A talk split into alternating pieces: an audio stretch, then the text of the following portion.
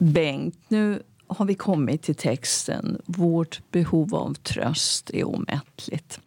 Och den, den texten vet du, den ligger mig väldigt nära om hjärtat. För att Stig var ju min far. Och en far som försvann ur mitt liv innan jag fyllde tre. Och en far som tar livet av sig. Och naturligtvis som barn söker man svar. I den här... Det är nästan som en dikt, men det är ju ett kort stycke som, som han skrev 1951 när min mamma var gravid med mig. Och han var fortfarande gift då med, med sin första fru och hade två små pojkar. Och skulderna hade ju växt. Han var i ett ganska eländigt läge trots att han var nykär och, och kanske glad åt det här nya barnet också. Men det skulle ju igen då skrivas en roman och så fort stressen ansatte honom gick det inte. Men då kunde han skriva det, det vi har pratat om tidigare, att man går åt sidan, man skriver någonting annat. Och den här är då inte ett brev till någon annan utan det är ungefär som ett brev till honom själv om tröst. Var, var finns trösten? Alltså? Mm. Ja, det, det, är ju en text att verkligen bära med sig mm. och komma tillbaks till. Den blir ju också allmängiltig. Mm. Den gällde Stig i allra högsta grad. Men det är väl det som är så utmärkande för hans mm. författarskap. Att när han beskriver sig själv så kan vi andra då mm. också få större förståelse för oss mm. själva. Och det, det, personliga blir ju universellt. Mm. Det enskilda blir universellt. Absolut. Allmängiltigt. Nu skriver om människan skriver om dig ja. själv. Ja. För det, det är ju avgörande frågor han resonerar om. Här. Vad, mm, vad, mm. vad är friheten? Ja, döden är en sorts frihet. Mm. Att leva, det valde jag inte. Mm. Men döden kan jag välja. Mm, mm. Och där är vi ju alla, alltid.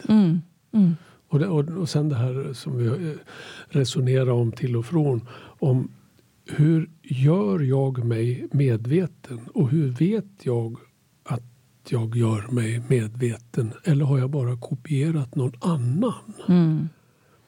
Det är ju sådana resonemang som finns här. Så riktigt alltså existentiella om man säger så. Eh, jag har ju suttit med den här texten då i Amerika och översatt eh, med hjälp av, av andra också och kammat igenom, så att säga stycke för stycke, ord för ord försökt att verkligen förstå alla bitar av den. Och den har ju en dramaturgi. Texten, jag tycker vi ska faktiskt läsa ur den. För den finns faktiskt inte.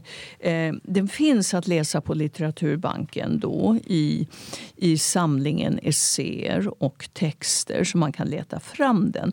Men vi har den, det finns ingen uppläsning av den. Så att jag tror att vi får läsa lite här. Mm. Vill, vill du börja, Bengt? Jag läser inledningen. Mm. Vårt behov av tröst är omättligt. Jag saknar tro och kan därför aldrig bli någon lycklig människa. Ty en lycklig människa ska aldrig behöva frukta att hennes liv är ett meningslöst irrande mot den vissa döden. Jag har varken ärvt en gud eller en fast punkt på jorden varifrån jag skulle kunna tilldraga mig en Guds uppmärksamhet jag har heller inte ärvt skeptikerns väl dolda raseri, rationalistens ökensinne eller ateistens brinnande oskuld. Jag vågar därför inte kasta sten på henne som tror på ting på vilka jag tvivlar eller på honom som dyrkar ett tvivel så vore inte även det omgivet av mörker. Den stenen skulle träffa mig själv. Ty om en sak är jag fast övertygad att människans behov av tröst är omättligt.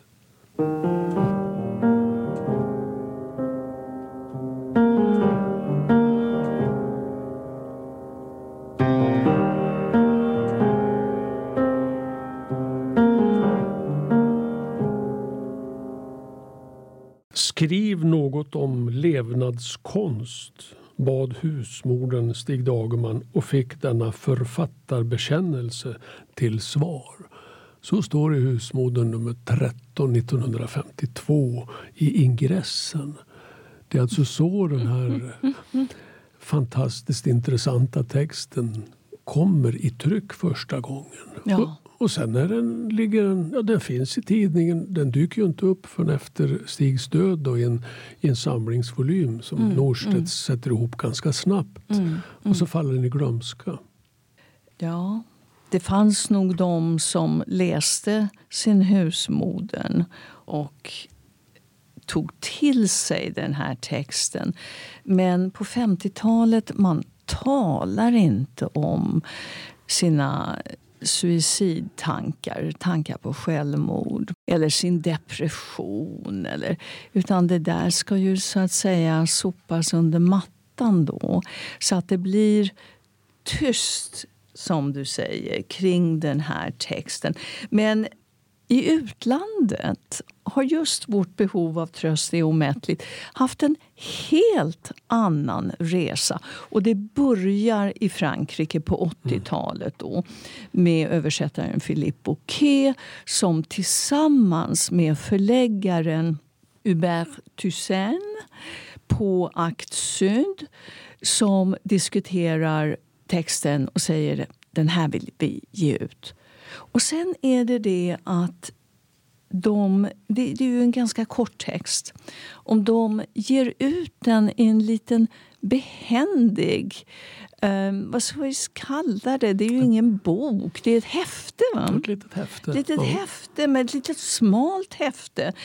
Sånt där som man stoppar i bakfickan eller klämmer ner i väskan eller, och just bär med sig. Och den här volymen i Frankrike blev då en jättesuccé. Och säljs fortfarande. I stora bokhandlar ligger den då eh, framme vid kassan. Så att när man då checkar ut, det är bara att ta med sig då en kopia utav vårt behov av tröst är omättligt. Philip Bouquet har ju kallat den här texten Stigs testamente. Mm. Just. Mm. Och det, det, är ju inte bara det att den finns på franska utan franskan är ju inte bara Frankrikes språk på grund av kolonialväldet. Mm. mm. I Senegal är den tydligen spridd. Precis. Fransktalande Afrika. Mm. Eh, I norra Afrika också. Eh, Marocko, Tunisien. Ja, den har verkligen spritts eh, väldigt brett. Just det här formatet som vi aldrig fick i Sverige. Det här lilla... Jo, vi fick ett fickformat i Sverige tack vare dig, Bengt, och Urban och Stig Dagerman-sällskapet. För ni tryckte upp texten i en liten tunn upplaga. Hur många tryckte ni? Ja, vi, först och främst, Norstedt sa ja på en gång. Vi behövde inte betala. Nej, nej. Och jag vet inte om ni, ni som äger royaltyn skulle haft en peng. Nej, vi tryckte nej. till självkostnadspris, 17 mm. kronor och 23 öre. Vi tog mm. en 20 mm. Portokostnader. Mm. Mm. Jag tror vi tryckte fyra upplagor sammanlagt 6 000. Ja. Ja. Och det finns tre kvar tror jag. Ja. Så den kom ut i Sverige inspirerade då utav den här upplagan i Frankrike och mm. det, det intresse som, som fanns där. Eh, men det är klart att ni hade inte riktigt distributionskanalerna till alla stora bokhandlar och sådär. Så att, men det är ju fantastiskt vad ni har gjort. På kontinenten då så finns den ju på spanska, på grekiska, på portugisiska. Nu kommer den också på tyska. Den finns digitalt i Ryssland. När det gäller portugisiska och spanska så betyder det ju att Latinamerika är med. Så eh, där finns texten också. Och eh, jag blev faktiskt ombedd att skriva en, eh, en introduktion till en upplaga i Chile. Så ja, den här texten har verkligen spridits väldigt vitt och brett. Mm. Men det har blivit musik också, eller ja, hur? Det, det är ju ett franskt gäng som heter Tätt Rädd. Mm. Jag vet inte om det betyder... Alltså, tätt betyder skallar i alla fall. Tjockskallar kanske. Eh, med Christian Olivier som leading star, sångare, mm. dragspelare, mm. poet, översättare. De gjorde en version av den här på franska. Den, jag tror den är 22 minuter lång. En riktigt kraftfull ska man kalla det, mini-opera höll jag på att säga, men ett, ett musikstycke. Ja, men det är ju alltså till ett reggae-beat. Mm, just det, reggae-beat. Ja, mm. och, och den är ju spridd, alltså alla känner till den i Frankrike om man lyssnar på musik. Och de turnerade med den och eh, ja, nu kan vi kanske tyvärr inte spela någonting av den då. Men den, man kan gå in på Youtube och höra då deras version och se den. Eh, så, och den är mycket kraftfull. Sen vi har ju fått hur mycket förfrågningar som helst ifrån små teatersällskap i Frankrike som då också ofta till musik, man reciterar texten men det är liksom en scenframställning. Och jag var också i Angers, jag var inbjuden till en föreställning utav då vårt behov av tröst är omätligt. En enmansföreställning med musik och video. Oerhört fint gjort. Så att den där texten Ja, den lever kvar. Sen 80-talet har den hållit på och bubblat inom den franska kulturen. Mm. Och redan 89 såg, såg vi den i La Rochelle. Det var åtta dagar. Ett program som hette Rendezvous avec Stig Dagerman. Mm -hmm. och det var både på akademisk nivå och andra nivåer. Och Det var teater och musik och mycket högläsning. Mm. Skådespelare som läste några timmar alltså ur olika Dagerman-texter. Ja. För så gott som allt av Stig finns ju på franska. Mm, mm. Och Patrick Collet hette han som satte upp den. Och det var en cellist. Det var två på scenen. Patrick mm. Collet i lång rock och en cellist. Och det var en makalöst vacker föreställning. Mm. Och jag minns att jag tänkte att här undviker de ingenting. Här finns bråddjup. Mm. Men här finns också hopp. Får, får jag läsa en bit till ur Vårt behov av tröst är omätligt. Men det finns också tröster som kommer till mig som objudna gäster och fyller mitt rum med gemena viskningar. Jag är din lust, älska alla.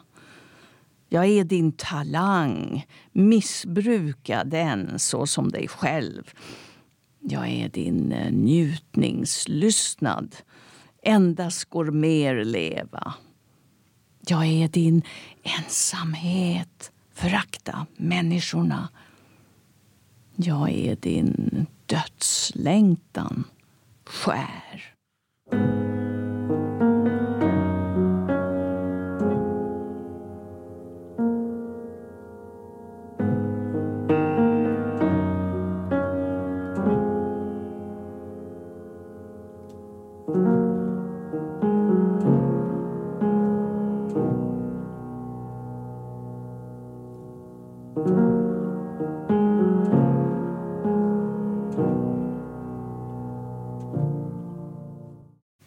Den här texten som vi talade om lite i början så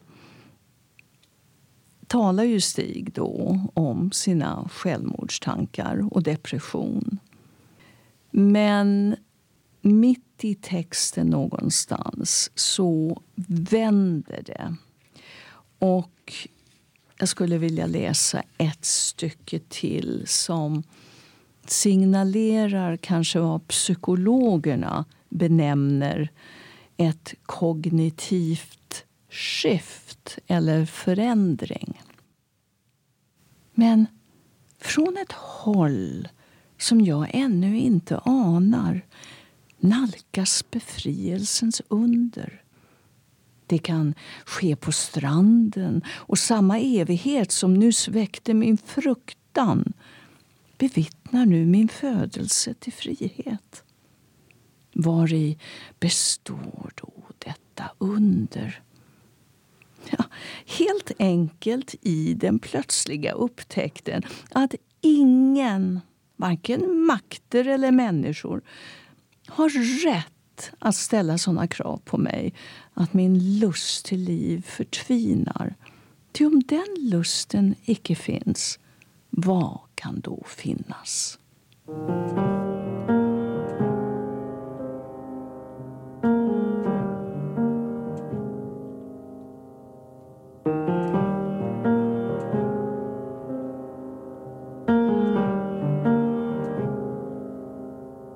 Ja, vi nämnde ju den här franska spridningen, alltså inte i Frankrike utan på franska. En, eh, en av Frankrikes mest framträdande författare idag är Fatou Diom. Född i Senegal men bor nu i, i Frankrike.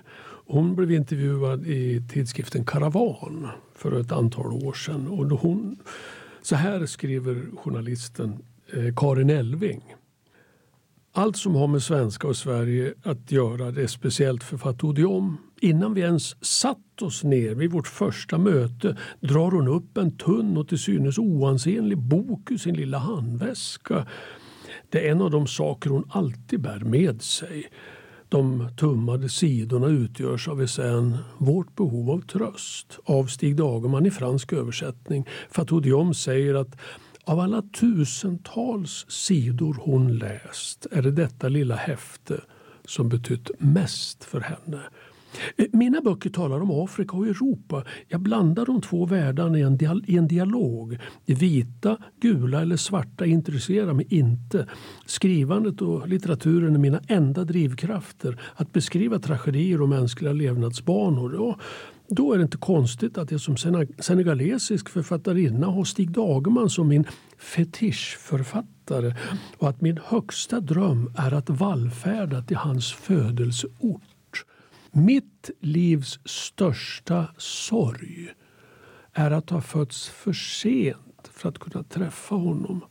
Han visste allt om ensamhet och svårigheten att leva och hade en mänsklighet som berör mig djupt. En mänsklighet som finns i mig och som har hjälpt mig att växa. Hade jag inte läst hans bok hade jag kanske gått samma öde till mötes som han. Det är ju så fantastiskt när en text blir då ett form av bruksföremål. Att den används. Att, att den då kan göra en annan människa väl. Mm. Och jag önskar att Stig hade kunnat veta just vilken genklang då hans, många av hans mm. texter skulle få genom tid och rum. Mm. Och Det är det här att veta tillsammans. Mm. Att faktiskt lära tillsammans. Och där brukar jag tänka ibland att livet är evigt men inte personligt evigt. Alltså de spår vi efterlämnar kan andra tyda. Alla frågor ska få ett svar de här mm. spåren kan tydas. Och då blir det någon sorts gemensam promenad även med de som inte längre finns. Men spåren finns. Ja, absolut. Och när vi berättar minnena och mm. vi, vi återberättar. Mm. Så här sitter jag då i Amerika och jag har vuxna söner och jag har en son som är filmmakare. Och jag då är medveten om allt det här som händer i framförallt Frankrike men i andra delar av Europa med Stigs text. Den här underbara då, vårt behov av tröst är omätligt. Och då tänker jag, ja men vi måste göra någonting på engelska. Och vi är ingen i familjen då som är musikaliskt begåvad så vi kan inte göra som Ted Red. Men vi har ju detta med filmen då. Ja, så att vi översätter och vi skriver då ett manus. Vi behöver en berättare. Då ringer jag till Stellan Skarsgård. Han har ju jobbat mycket med stigtexter tidigare och är liksom en stor Dagerman-anhängare. Så när jag ringer till honom lite nervöst sådär så säger han Ja, för fan, det är klart han ställer upp. Ja, så sen behöver vi också då... Var ska vi spela in den här filmen? Och då får vi möjlighet att filma i det hus i Enebyberg där då min mamma Anita Björk och Stig och jag bodde alldeles innan hans död. Och där Stig då hade ett skrivarrum högt uppe i ett torn. Vi har ju Stellans berättarröst. Vi har eh, Eh, bilder av Stig som vi klipper in. Men vi dramatiserar ju också från det här skrivarrummet uppe i tornet i huset där Stig hade suttit och skrivit. Och nu ville inte Dan, min son, han ville inte då låna sin ryggtavla. Utan det blev då medproducenten Filip Hammarström som fick ställa upp som eh, då Stig i de här lite olika dramatiserade bilderna. Det är några fingrar på tangentbordet då med skrivmaskinen och det är något fönster. Man, man ser ju inte riktigt vem det är. I vårt behov av tröst är omättligt så lyckas Stig igen skriva sig fri. Och så här låter det. Jag lyfter alltså tidens börda från axlarna och därmed också prestationskravets. Mitt liv är ingenting som skall mätas. Varken bocksprånget eller soluppgången är några prestationer och ett människoliv är heller ingen prestation utan ett växande in mot fulländningen. Och det fulländade presterar ingenting. Det verkar i vila. Det är meningslöst att påstå att havet är till för att bära armador och delfiner. Det gör det visserligen, men under bibehållen frihet. Och det är vidare meningslöst att påstå att människan är till för något annat än att leva. Hon matar visserligen maskiner eller skriver böcker men kunde lika gärna göra någonting annat. Det väsentliga förblir att hon gör vad hon gör under bibehållen frihet och med klart medvetande om att hon, liksom varje annan detalj i skapelsen, är ett självändamål. Hon vilar i sig själv som en sten i sanden. Sådan är min enda tröst. Jag vet att återfallen i tröstlöshet är många och djupa. Men minnet av befrielsens under bär mig som en vinge mot det svindlande målet. en tröst som är för mer än en tröst och större än en filosofi, nämligen ett skäl att leva.